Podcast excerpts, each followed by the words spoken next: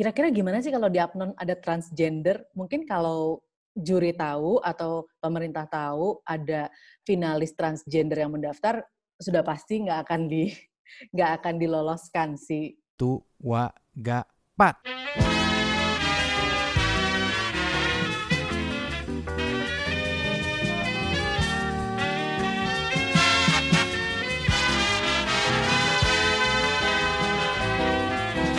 Anda sedang mendengarkan The Bernhard Farah Show. Kembali lagi dengan Bernhard Faras di The Bernhard Faras Show dan dengan Kak Ramalia, seorang none Jakarta 2001, first winner, ajang bintang TV 2003 first winner, Putri Indonesia Pariwisata 2005, pernah jadi news anchor dan jurnalis juga dari 2003 sampai 2009 di ANTV, terus pernah jadi cameo aktris juga di Dua Garis Biru. Dan saat ini itu kegiatannya sebagai moderator, sebagai MC, juga salah satu pemilik dari bisnis FNB. Wah, ini keren banget lah Kak Rahmalia ini. Banyak pelajaran yang bisa kita ambil nih, teman-teman. Oke, Kak, kita lanjut lagi nih. Nah, kalau Kakak lihat sendiri tadi balik lagi, jadi apa sih sebenarnya trait yang harus kita punya untuk jadi pemenang gitu? Spesifiknya pemenang. Atau maksudnya bahkan pemenangnya itu bukan pemenang apnon ya, tapi pemenang untuk jadi finalis dulu. Gitu. Iya, kami tuh Dewan Juri sangat melihat uh, tadi completeness as a package di dalam satu individu gitu ya. Uh, seseorang yang memiliki fisik yang baik, artinya uh, menjaga juga, menjaga fisiknya. Misalnya, bagaimana cara dia memper, apa namanya berpakaian, apakah dia bisa melihat kekurangannya misalnya. Semua orang punya kekurangan dan kelebihan. Misalnya, uh, none gitu ya contohnya ya. Apakah bagian mana gitu harus ditutupi lebih atau tidak boleh menggunakan model-model celana yang ketat misalnya atau bagian atas yang terlalu ketat misalnya. Apakah dia mengerti itu? Itu yang kita lihat juga. Kemudian yang kedua dari segi brain. Brain yang dimaksud adalah kita sometimes kita memang melakukan tes IQ juga. Uh, sorry, bukan tes IQ, tes psikotes. Gitu. Tapi bukan berarti kita tuh mencari seseorang yang brainy, yang selalu menjadi juara kelas, yang selalu uh, menang cerdas cermat misalnya. Bukan hanya itu yang kami lihat gitu. Brain yang dimaksud adalah punya kemampuan untuk membawakan dirinya, mengerti dirinya, dan juga bisa beradaptasi dengan tugasnya tugasnya nanti sebagai abang atau none. Oke, itu tadi uh, brain sama beauty. Kalau beauty mau bicara lebih lanjut lagi, um, misalnya apa ya? Apakah none nanti bisa membuat atau belajar bagaimana sih supaya dia kelihatan lebih cantik dengan make up atau dengan cara merawat mukanya dan kulitnya gitu. Kemudian menjaga kebugaran tubuhnya juga untuk abang dan none gitu. Kemudian yang terakhir adalah brain beauty behavior. Nah, behavior ini juga penting sekali karena mereka nggak bekerja sendiri. Abang atau none itu bukan kemudian kami berharap mereka menjadi diva gitu. Tidak, justru mereka yang bisa menjadi uh, apa ya namanya ya representatif dari anak muda Jakarta yang selalu hand in hand berpartner dengan pemerintah gitu. Jadi mereka yang juga bisa menempati posisi sebagai wakil dari anak muda Jakarta untuk bekerja sama dengan pemerintah. Nah, ini memerlukan attitude yang baik, bukan hanya attitude yang iya-iya saja, enggak, tetapi juga punya attitude untuk inisiatif misalnya. Oh, uh, saya bisa bantu dari segi apa? Atau misalnya bisa memberikan ide-ide apa kepada pemerintah, ide-ide kreatif apa kepada pemerintah. Itu juga termasuk attitude yang kita lihat gitu. Makanya maka dari itu seseorang yang punya minat untuk terus belajar itu menjadi pertimbangan besar buat kami. Kadang kadang kita juga sebagai dewan juri juga ini sebenarnya bagus ya dia ya, tapi kok kayaknya dia masih mentah banget ya. Masih childish banget gitu misalnya. Nah, itu juga kita coba lihat gitu. Tapi kayaknya dia punya semangat untuk belajar. Dipoles sedikit kayaknya dia bisa gitu. Hmm. Nah, itu yang kemudian we have to work hard on that. Kita harus mempersiapkan dia untuk being the best version of themselves. Itu sih yang paling penting. Karena siapa pun siapa pun akan bisa berusaha gitu. Dan usaha itu hasilnya tidak akan dihianati oleh seberapa besar usaha kamu gitu kan. Jadi nggak bisa take for granted kamu paling cantik, kamu paling pinter, kamu paling keren bodinya, kamu paling apa itu nggak bisa. Tetap harus usaha gitu. Justru Oke, yang di atas angin itu biasanya tuh kita suka suka challenge dia. Suka challenge. Misalnya dia udah punya ya dia udah punya segalanya, kita harus challenge dia. Kenapa kamu ada di sini? Gitu misalnya. Apa yang akan kamu lakukan kalau diberikan situasi-situasi yang sulit misalnya? Kira-kira responsnya dia kayak gimana sih nantinya? Nah, itu itu kita lihat juga sebagai penilaian gitu. Oke. Nah, Kak, kan Kakak nih seorang pemenang tahun 2001. Apakah sampai hari ini berarti masih bisa dipanggil sebagai None Jakarta? Waduh, itu tergantung yang manggil.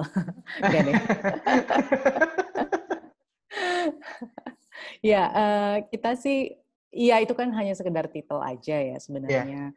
Em, hari ini sih paling kan misalnya None Jakarta 2001, tapi kan 2001 it's like 20 years ago gitu. Jadi Iya. kalau dipanggil sebagai None terus-terusan non-non gitu ya, non alia gitu. Mungkin untuk yang yang lebih dari saya biasanya manggilnya nggak seperti itu. Biasanya kalau di Apnon kalau yang ke yang lebih senior panggilnya empok, kalau yang lebih muda panggilnya non. Kalau abang sih works both way, lebih muda atau lebih tua.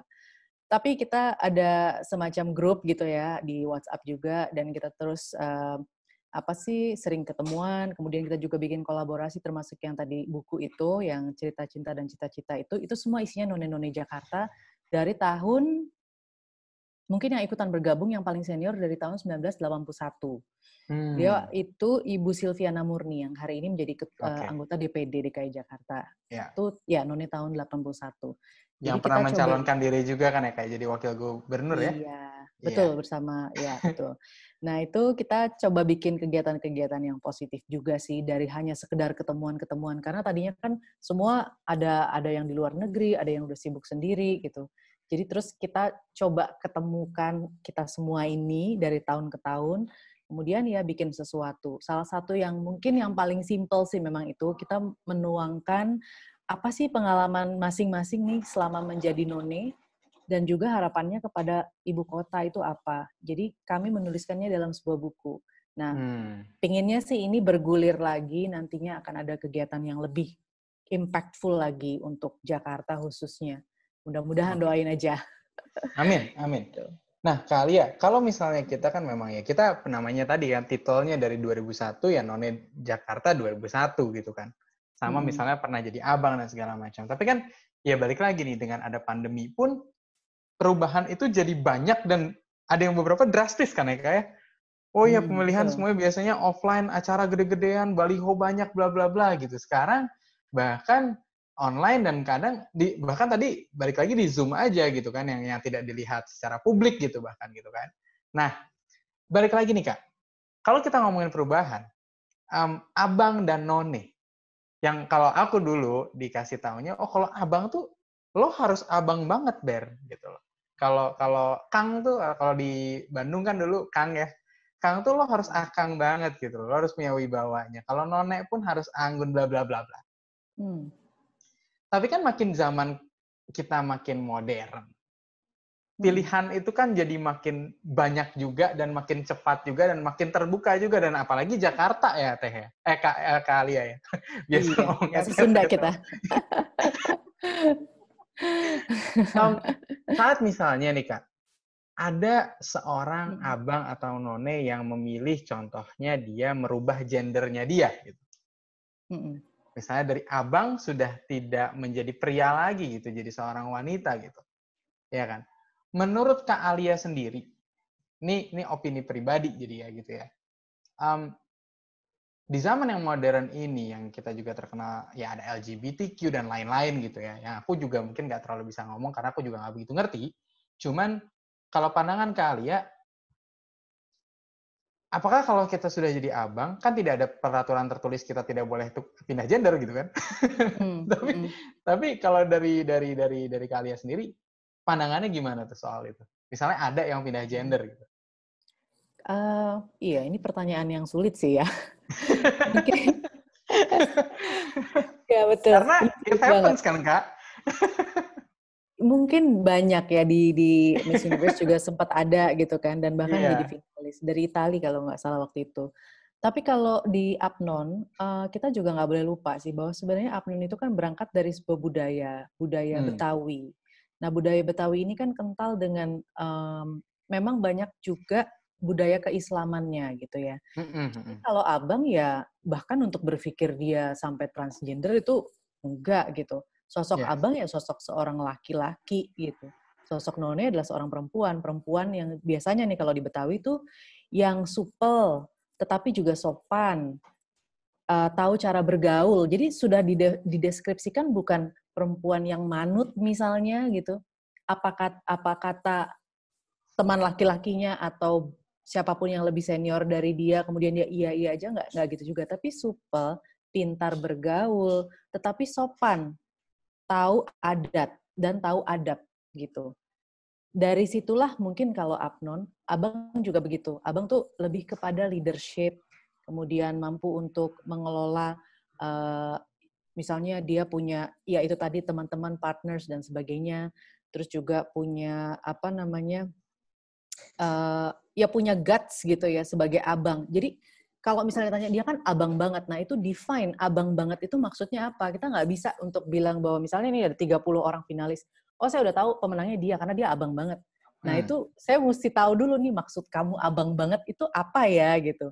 Betul. Abang iya abang banget itu kan bisa aja dia dia memang punya leadership tapi dia juga pintar tapi dia juga ya mungkin physically emang bagus beruntung sebagai seorang yang physically diberkahi dengan ketampanan dan sebagainya dia juga punya attitude itu tadi gitu balik-balik lagi ke situ jadi makanya kalau misalnya pertanyaannya Kira-kira gimana sih kalau di Apnon ada transgender? Mungkin kalau juri tahu atau pemerintah tahu ada finalis transgender yang mendaftar, sudah pasti nggak akan di nggak akan diloloskan sih. Kelihatannya sih begitu. Kalau opini saya juga sebaiknya tidak gitu. Karena kemudian kalau misalnya kita meloloskannya, ya ini menjadi pembelajaran bahwa mungkin tahun-tahun depan boleh nih seperti ini. Dan kita sih masih sangat kental juga dengan budaya kebetawian itu tadi. Jadi kelihatannya sih nggak mungkin ke arah sana. Bahkan kita cukup strict dengan abang ya laki-laki sejati gitu. Yeah, iya. perempuan yeah. ya perempuan sejati.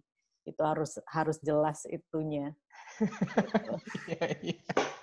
Iya, iya, ini menarik banget sih. Ini pertanyaan jebakan mungkin ini.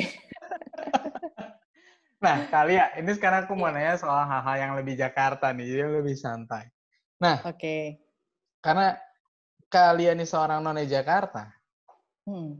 kalau ngomongin soal makanan kan kita banyak banget bir peletok lah, terus ada selendang mayang lah, terus ada hmm. ya banyak makanan Betawi lah yang mungkin orang juga nggak pernah cobain. Tapi kalau dari Kak Alia sendiri nih, udah dari tahun 2001, sekarang udah 20 berarti 19 tahun ya. Hmm. Ada nggak sih makanan Betawi yang belum pernah dicobain? Waduh, kayaknya banyak deh. Kenapa kak nggak pernah nyobain? uh, iya ya, mungkin karena jarang aja ada gitu kan. Kalau mau tuh spesifik mungkin harus datang ke tempat ya perkampungan budaya Betawi atau ke restoran khusus gitu yang menjual masakan hmm. Betawi. Tapi apa yang nggak pernah aku coba tuh? Hmm, pucuk, mayang pernah? Selendang mayang pernah. Nah, pucuk gabus. Okay. Pucuk gabus, oke. Okay. Hmm, itu belum pernah sih sejujurnya. Tapi kalau ya gado-gado yang standar-standar sih udah semua. Dan emang kebetulan doyan, jadi makanya makannya itu, itu lagi. Iya iya iya. Nah, uh, nggak pernah nyobain pucuk gabus. Berarti kan ada ada suatu hal yang bukannya kita nggak mau gitu. Karena kalau kalau hmm. kayak kayak tadi kalian sendiri bilang kayak gado-gado ketoprak mungkin udah banyak gitu kan bahkan hmm. nggak kita cari dia datang sendiri manggil ke rumah gitu kan nah cuman kalau kita ngomongin tadi makanan yang nggak ada atau nggak budaya nggak ada bahkan kalau kita ngomongin ondel-ondel aja nih yang yang yang yang kelihatannya aku udah jarang juga lihat gitu loh ondel-ondel yang hmm. bener-bener acara ondel-ondel difungsikan sebagai suatu oh ini kita mau ngenalin kulturnya karena yang aku lihat sekarang nih kak setiap hari di rumahku itu lewat ondel-ondel karena aku tinggal di Jakarta Selatan. Ondel-ondel lewat, um, um, muter, pakai dia ondel-ondelnya sambil ngedorong speaker. mm-hmm. Terus di depannya ada ibu-ibu bawa anak digendong, anak kecil digendong, yang anaknya tidur. Terus dia pakai uh, kresek gitu untuk untuk minta-minta. Nah, menurut pandangan kalian sendiri, um, budaya seperti ondel-ondel, Kak, jujur aku sendiri, mungkin adekku nih sekarang yang umurnya masih 9 tahun, kelas 4, tidak akan pernah melihat ondel-ondel kalau ondel-ondel yang kayak gitu nggak lewat di jalan. Di depan rumah tuh dia mungkin nggak pernah lihat. Karena nggak, aku nggak tahu bahkan acara yang kira-kira ada ondel-ondel cuma PRJ yang kepikiran. Gitu kan. Nah, cuman kalau menurut Kak Alia, seharusnya kayak misalnya contoh satu spesifik ondel-ondel. Apakah cara kayak gitu benar? Dan itu perspektif ya, kalau benar salah kan perspektif dan harusnya cara kita memperkenalkan budaya, apalagi ngomongin apnon nih, itu kayak gimana sih, Kak? iya, aduh. Ini sebenarnya pertanyaan penjurian mungkin ya. penjurian lagi nih kayaknya nih. Jadi, emang kalau ngeliat ondel-ondel tuh ya, gimana ya, antara sedih tapi juga, ya udah embrace juga ternyata orang masih masih mengandalkan ondel-ondel gitu. Biar bagaimanapun siapa pun itu gitu masih mengandalkan ondel-ondel untuk menjadi gimmick marketingnya dia gitu kan. Yeah. Untuk menghasilkan sesuatu. Berarti kan ondel-ondel itu kan atraktif sebenarnya. Yeah. Atraktif dilihat orang gitu. Bahkan ada ondel-ondel masuk masuk ke swalayan-swalayan kecil lah, belanja lah segala macam. Jadi itu sebenarnya tontonan yang lucu gitu. Tapi betul sih sebenarnya kata Bern tadi, kalau nggak ada ondel-ondel di jalan, mungkin anak-anak yang kecil yang masih di bangku SD gitu mungkin nggak akan lihat, jarang sekali lah melihat gitu. Kalau menurut pandangan saya sih memang nggak bisa disalahkan 100% ya. E, karena mereka membutuhkan sesuatu untuk mencari penghidupan. Kemudian adalah si ondel-ondel ini dipakai gitu. Tapi memang on the other hand, sayang juga kok ondel-ondel cuma dipakai kayak gitu aja. Mm -hmm. Kalau menurut saya sih, let's not blame anybody. Kenapa nggak kita coba aja cara cari cara supaya ondel-ondel ini lebih eksis gitu. Kalau di acara-acara Betawi sih mungkin pasti ada sih. Kalau di yeah, kawinan yeah. memang jarang. Biasanya kan hanya si kembang kelapanya itu sama roti buaya gitu ya. Tapi kalau ondel-ondelnya sendiri enggak. Nah, ondel-ondel kalau di acara-acara Betawi misalnya ada gebiar festival atau budaya Betawi itu sih saya pastikan ada gitu. Termasuk si apa namanya rebananya gitu. Nah jadi uh, kalau menurut saya secara marketing tadi memang itu bukan sesuatu yang ideal untuk mem bisa memasarkan sebuah budaya bisa dikemas dengan lebih menarik kan sebenarnya. Mungkin si ondel-ondel ini bisa dibuat jadi YouTube konten misalnya. Apa sih ondel-ondel? What's behind it? Filosofinya apa? Kenapa bentuknya kayak begitu gitu? Wah, menarik sih. Terus apa bisa dibikin nih? misalnya, misalnya. Yeah, Jadi yeah. mungkin yang suka bawa ondel-ondel di jalan begitu lihat begitu lihat uh, konten itu mungkin mereka juga jadi berpikir, iya ngapain juga keliling-keliling ya di jalanan. Tapi maksud saya let's not blame anybody. Itu kan kreasi mereka gitu. Tapi kalau kalau kenapa nggak kita pikirin cara yang lain sih? Karena di balik ondel-ondel mungkin nggak nggak banyak yang tahu juga kenapa sih ada ondel-ondel. Ondel-ondel tuh simbol Betul. apa gitu uh, ada laki-laki dan ada perempuan. Kalau di SD sih kan anak-anak juga diajarin kan menggambar ondel-ondel lah. At least mereka tahu bahwa ada nih suatu bentuk budaya Jakarta, icon lah boleh dibilang ondel-ondel ini gitu.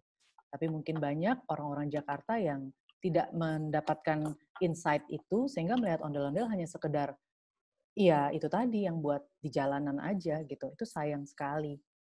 Sayang sekali menurut saya itu yeah, dan yeah, yeah. dan kita bisa lihat banyak contoh lah misalnya batik gitu ya batik budaya Betawi kan batik, kan juga betul. ada batik trogong betul. atau uh, apa namanya tuh batik uh, aduh saya jadi lupa namanya pokoknya batik kebayoran gitu misalnya pokoknya motif-motif yang memang disesuaikan dengan daerah-daerah yang ada di Jakarta nah batik-batik ini sudah dibuat di desain sedemikian rupa sehingga orang-orang dari berbagai berbagai level usia juga suka pakai untuk yang muda yang lebih trendy, untuk yang lebih berusia mungkin lebih ya modelnya juga beda gitu. Itu bisa kan kita uh, kita jadikan sebagai contoh bahwa kita bisa kok bermain dengan itu gitu. Bahkan yeah. kalau di penjurian kita suka tanya gitu anak-anak desain uh, tekstil, ada yang belajar tekstil, ada yang belajar belajar desain macam-macam. Kamu bisa bikin desain apa untuk batik Betawi? they come up with brilliant ideas. Jadi menurut saya sih banyak sekali ruang yang bisa dipakai, apalagi banyak ya seperti teman-teman Burn ini, maksudnya kalian-kalian inilah juga yang bisa contribute ke situ. Itu. So let's inspire the ondel-ondel. Coba supaya mereka bisa lebih kreatif lagi. Nah, kalau ngomongin soal batik, kembali tadi Kak, Kak, Kak Alia juga mention batik Betawi nih. Batik hmm. Betawi itu kan khas banget sama corak bambu kuning kan yang yeah. menjadi sebuah trademark batik Betawi gitu kan. Mm-hmm. Nah, kalau kita ngomongin budaya itu kak, kita ngomongin batik tadi kan tadi bisa diimprove lagi, bisa diperbaiki lagi dan segala macam. Kalau menurut Kak Alia nih, peranan anak muda apalagi tadi Apnon itu youth ambassador, kita oh kita jadi role model gitu dan segala macam. Jadi sebagai role model itu yang diharapkan kita tuh harus bisa gimana sih? Karena kan kalau aku lihat ya waktu aku sejujurnya aku salut banget sama Abang None karena aku tuh pengen banget bisa ngibing. Mm. Tapi aku belum bisa ngibing. Dan aku salut sama orang-orang yang bisa ngibing.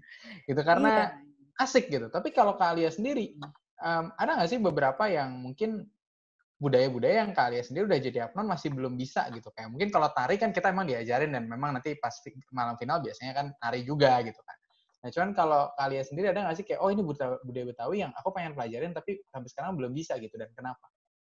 Silat kali ya. Silat Betawi. Silat ya? Mungkin perlu dipelajari itu untuk seni bela diri juga. Ya silat sih sejujurnya menurut aku itu keren, bagus. Uh, perempuan dan laki-laki juga bisa belajar itu. Tapi kalau saya sendiri memang belum berkesempatan sih untuk mempelajari silat. Kalau budaya yang lain itu apa ya? Uh, kalau budaya Betawi kan memang syarat dengan budaya keislaman itu tadi. Jadi memang dari usia dini, uh, mungkin kayak saya juga udah punya anak-anak gitu ya. Um, mengapa tidak gitu? Kita tinggal di Jakarta dan um, dan saya kebetulan karena di Apnon jadi mengerti juga gitu sedikit banyak tentang budaya Betawi. Uh, budaya Apnon itu dekat dengan budaya mengaji untuk yang perempuan dan laki juga silaturahmi dan juga uh, ngasosi istilahnya. Jadi ini budaya yang oke okay, kalau misalnya kalian bukan orang muslim nggak masalah juga. Jakarta is a melting pot juga kan semua udah tahu bahwa yang penting kita beragama, kita menjalankan itu gitu. Kita bersilaturahmi. Jadi sebenarnya filosofi agamanya itu yang kita angkat gitu. Itu Ya, kalau saya sendiri sih berusaha untuk terus menjalankan itu. Tapi menurut saya itu adalah sebuah aset yang mungkin di pageant lain tuh nggak ada gitu. Hmm. Karena kita berangkat dari budaya. Again, saya juga punya sebenarnya mimpi bahwa teman-teman Apnon ini bisa bukan hanya skupnya tuh Jakarta aja gitu. Mereka juga bisa go abroad, juga bisa go Indonesia, abroad bahkan gitu kan. Tapi biar bagaimanapun sampai hari ini Jakarta is the etalase of Indonesia gitu. It is the etalase of Indonesia. So if we do something in Jakarta, the whole Indonesia will pay attention to that. Jadi ini sebenarnya big opportunity. Uh, kita juga udah nyoba-coba sih di Apnon untuk bikin sesuatu yang di luar uh, cuma sekedar nandak yang lokal-lokal itu tadi. Let's go international gitu kan. Makanya ada Apnon to Broadway kalau pernah dengar gitu.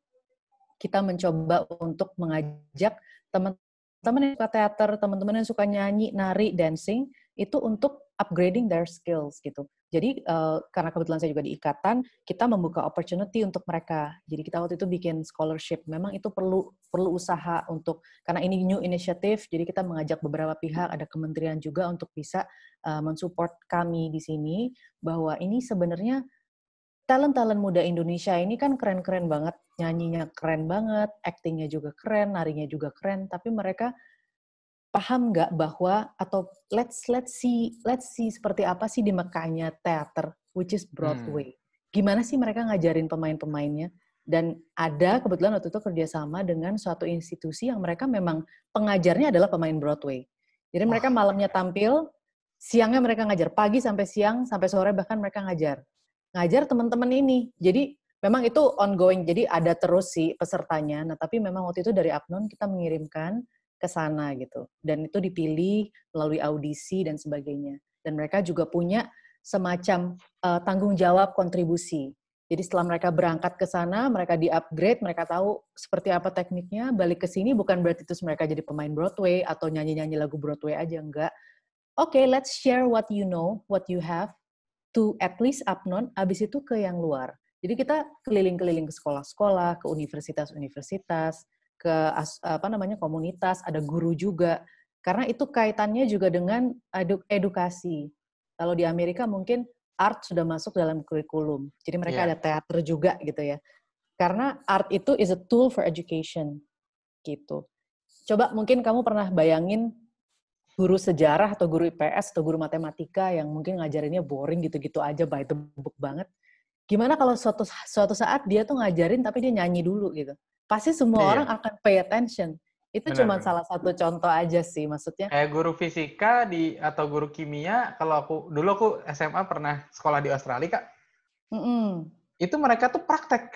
Oh ini dicampur ini warnanya jadi begini. Terus ntar kita nyampur ini terus satu ruangan kayak kebakar gitu karena itu apinya bercampur dengan apa gitu kan.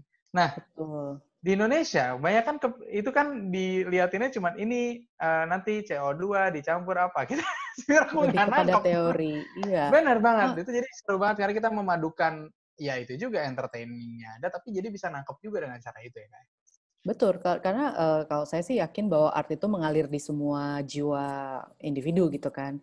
Apakah kita mau jadi musisi atau seniman atau enggak itu pilihan.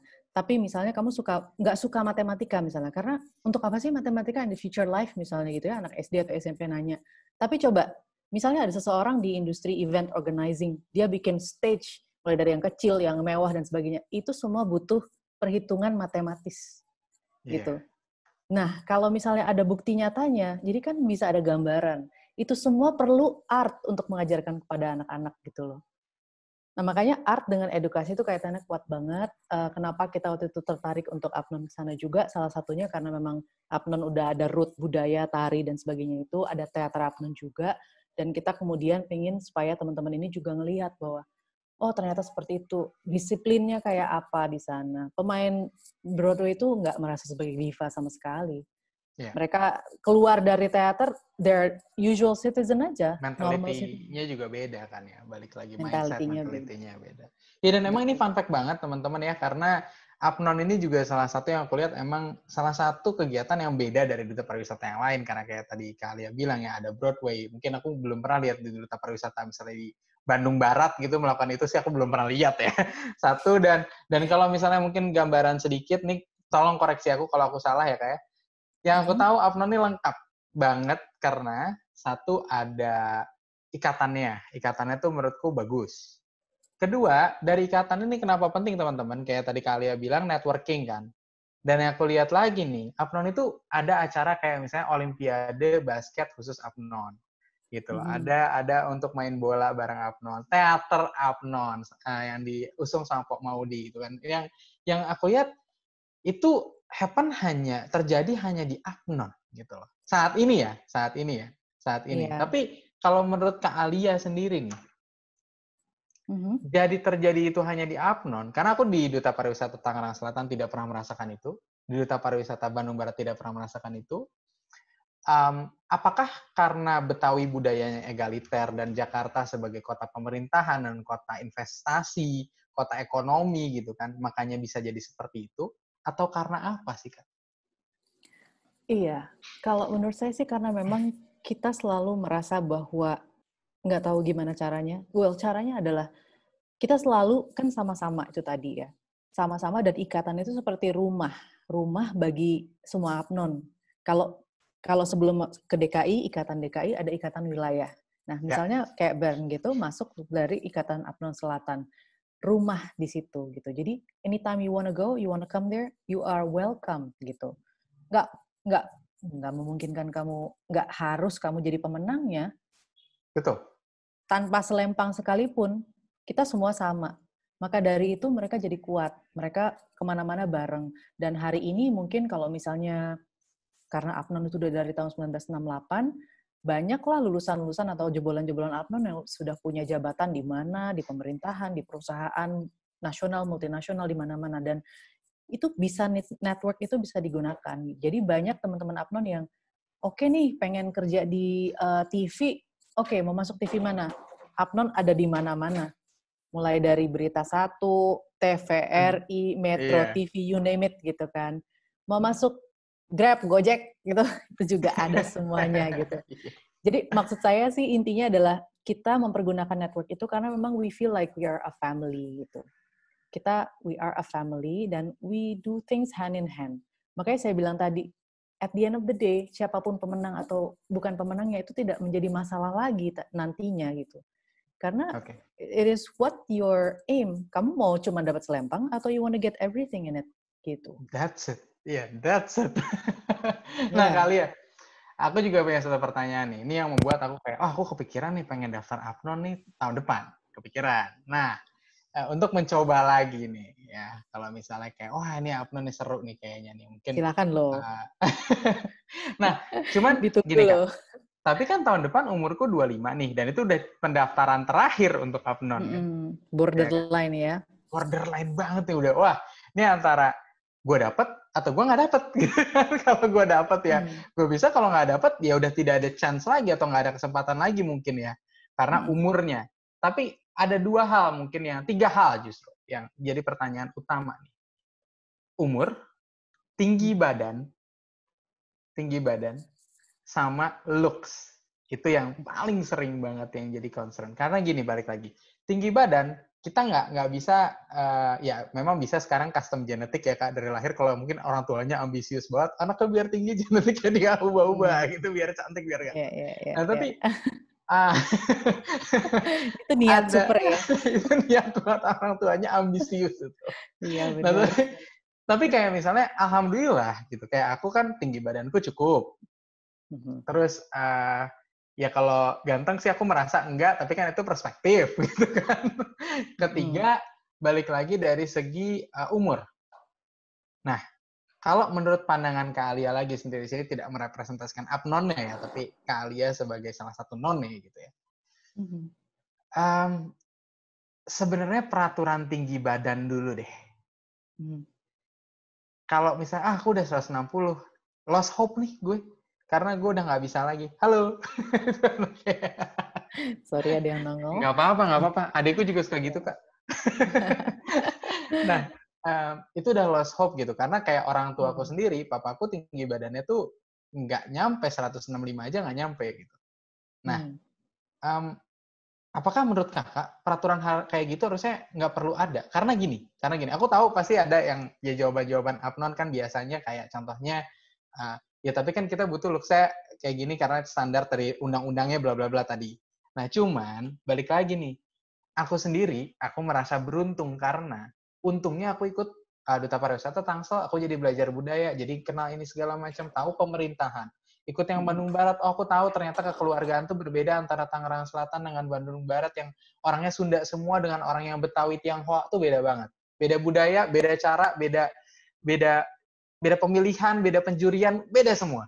Sama-sama duta pariwisata beda. Nah, cuman tinggi badan itu salah satu penghambat gitu. Hmm. Menurut kalian itu harus nggak sih ada? Um, kita nggak bisa memungkiri kalau apnon itu adalah pageant. Gitu tetap aja itu pageant. Memang sebenarnya tinggi badan itu kan given ya given dari Tuhan ya. Kita dikasih yeah. cuma 160 ya we have to accept it gitu. Tapi again apnon itu adalah sebuah pageant. Jadi pageant di mana kalian itu bisa aja suatu suatu hari harus tampil. Tampil di suatu masa yang banyak tiba-tiba ada kalian gitu kan. Dan you have to be something yang stand out gitu Makanya dari itulah muncul tinggi badan minimal gitu kan. Kemudian look. Again kalau look saya nggak bilang bahwa kita cari yang paling cantik, yang hidungnya paling perfect, misalnya yang matanya paling cantik, paling bagus, abang juga paling ganteng. Enggak seperti itu. Tapi apakah dia bisa mem, me, me, apa namanya melihat dirinya sebagai seorang pribadi, kemudian oh ini kayaknya kalau muka saya seperti ini, saya cocok, cocoknya rambutnya seperti apa. Kemudian attitude-nya. Kemudian dia kalau dia abang, ya abang tentunya bukan yang apa ya namanya cekakak cekikikan gitu yang at, yang gestures-nya nggak bisa diatur gitu. Dia juga harus tahu bahwa posisi sebagai abang itu adalah sebuah job desk lagi-lagi gitu. Ibaratnya kalau kamu menjadi presiden deh gitu ya. kamu punya sebuah pribadi yang berbeda, mungkin humoris, mungkin santai gitu. Tapi ketika kamu ada di depan publik, then you have to represent your title juga sebagai Nah, presiden itu tadi. itu Kak, itu Kak. Ngomongin soal presiden. Pak Habibie, setauku ya, tinggi badannya Hmm. itu 162 cm. Itu beda Hmm. 8 cm dari spesifikasi Apnon yang 170 cm gitu ya. Mm-mm. Beda 8 cm nih. Tinggi badanku pun pas 170 gitu. Nggak kurang, nggak lebih. Iya. Nah, jadi eh, kalau tadi balik lagi kan kita jadi seorang representatif yang kita jadi seorang pageant gitu kan. Tapi kalau kita ngomongin soal representatif, Pak Habibie aja bisa kok didengar dengan tinggi badan 162 cm. Gitu. Betul. Iya memang kalau kalau presiden kan bukan pageant. Makanya tadi saya bilang karena Ya. Apnon ini adalah pageant, tapi cara untuk tampil kalau misalnya kamu mau tampil di depan atau menjadi seseorang yang dilihat prominent yang didengar seluruh Indonesia seperti Pak Presiden itu tadi tidak harus melalui pageant gitu. Betul. Tidak harus melalui pageant. Nah, Kebetulan memang di pageant ini ada beberapa spesifikasi yang harus dipenuhi gitu. Hmm. Tapi medianya, platformnya banyak banget. Banyak yang mungkin tiba-tiba menjadi representasi karena bekerja di PBB misalnya, atau di di lembaga-lembaga dunia atau di dalam negeri juga, kemudian menjadi stand out dan jadi dilihat orang dan menjadi role model juga itu banyak sekali gitu. Tapi memang karena judulnya pageant, mau nggak mau memang physical itu perlu diperhatikan, tapi bukan semata-mata itu. Poinnya sih di situ sebenarnya. Hmm. Kalau masalah tinggi eh, ada di beberapa tahun terakhir abang terutama ya yang tingginya mungkin dia paling kecil dibanding satu batch angkatannya. Tapi kemudian dialah pemenangnya. Karena apa? Karena ya itu tadi bukan yang paling tinggi yang dicari atau yang fisiknya paling keren lah gitu enggak seperti itu. Yang mampu memiliki the complete package itu all box tick dia yang menjadi pemenang. Mungkin ada sisi lain yang dia sangat kuat, misalnya kepribadiannya atau misalnya brain-nya, gitu, atau personality-nya yang kuat, punya personality yang kuat sehingga dia dianggap cocok untuk merepresentasikan Jakarta gitu. Karena kalau kamu bimbang, kamu tuh masih ababil gitu ya, nggak tahu mau ke kanan mau ke kiri, gimana kamu mau merepresentasikan kota kamu ini gitu. Betul, Jadi, betul. Iya, kalau misalnya pertanyaannya harus ada atau tidak, karena memang itu pageant, jadi memang ada memang ada tinggi minimal sih. Jadi karena memang ini pageant ya, balik Karena lagi. ya. memang pageant. Tetapi memang eh, kalau dari tahun ke tahun pengalaman kita juga melihat yaitu tadi rata-rata, rata-rata itu yang mendaftar seberapa tinggi sih? Misalnya tahun ini yang mendaftar kok kecil-kecil semua ya. Ya udah kita ya berarti kan kita harus menyesuaikan gitu. Karena kita nggak mungkin ambil udah ambil aja semua yang di atas 170 gitu untuk abang-abangnya tapi tapi nggak bisa ngapa-ngapain gitu ibaratnya ya sulit lah untuk dipoles juga memang fisik nggak bisa dipoles kayak tinggi nggak bisa tiba-tiba jadi tinggi lebih tinggi lagi tapi kemudian Iya, Kecuali operasi kali ya, Kak. Itu dia. Atau pakai hak gitu tapi siapa yang mau pakai hak? Abang. Iya. Iya. tapi soft skills itu juga juga nggak segampang itu gitu. Apalagi kalau mentalitas dia tidak mendukung untuk untuk dia bisa tiba-tiba punya journey untuk wow ini beru- berubah total gitu. Maybe it is gonna be one of a kind. Tapi perubahan itu sih sangat mungkin terjadi.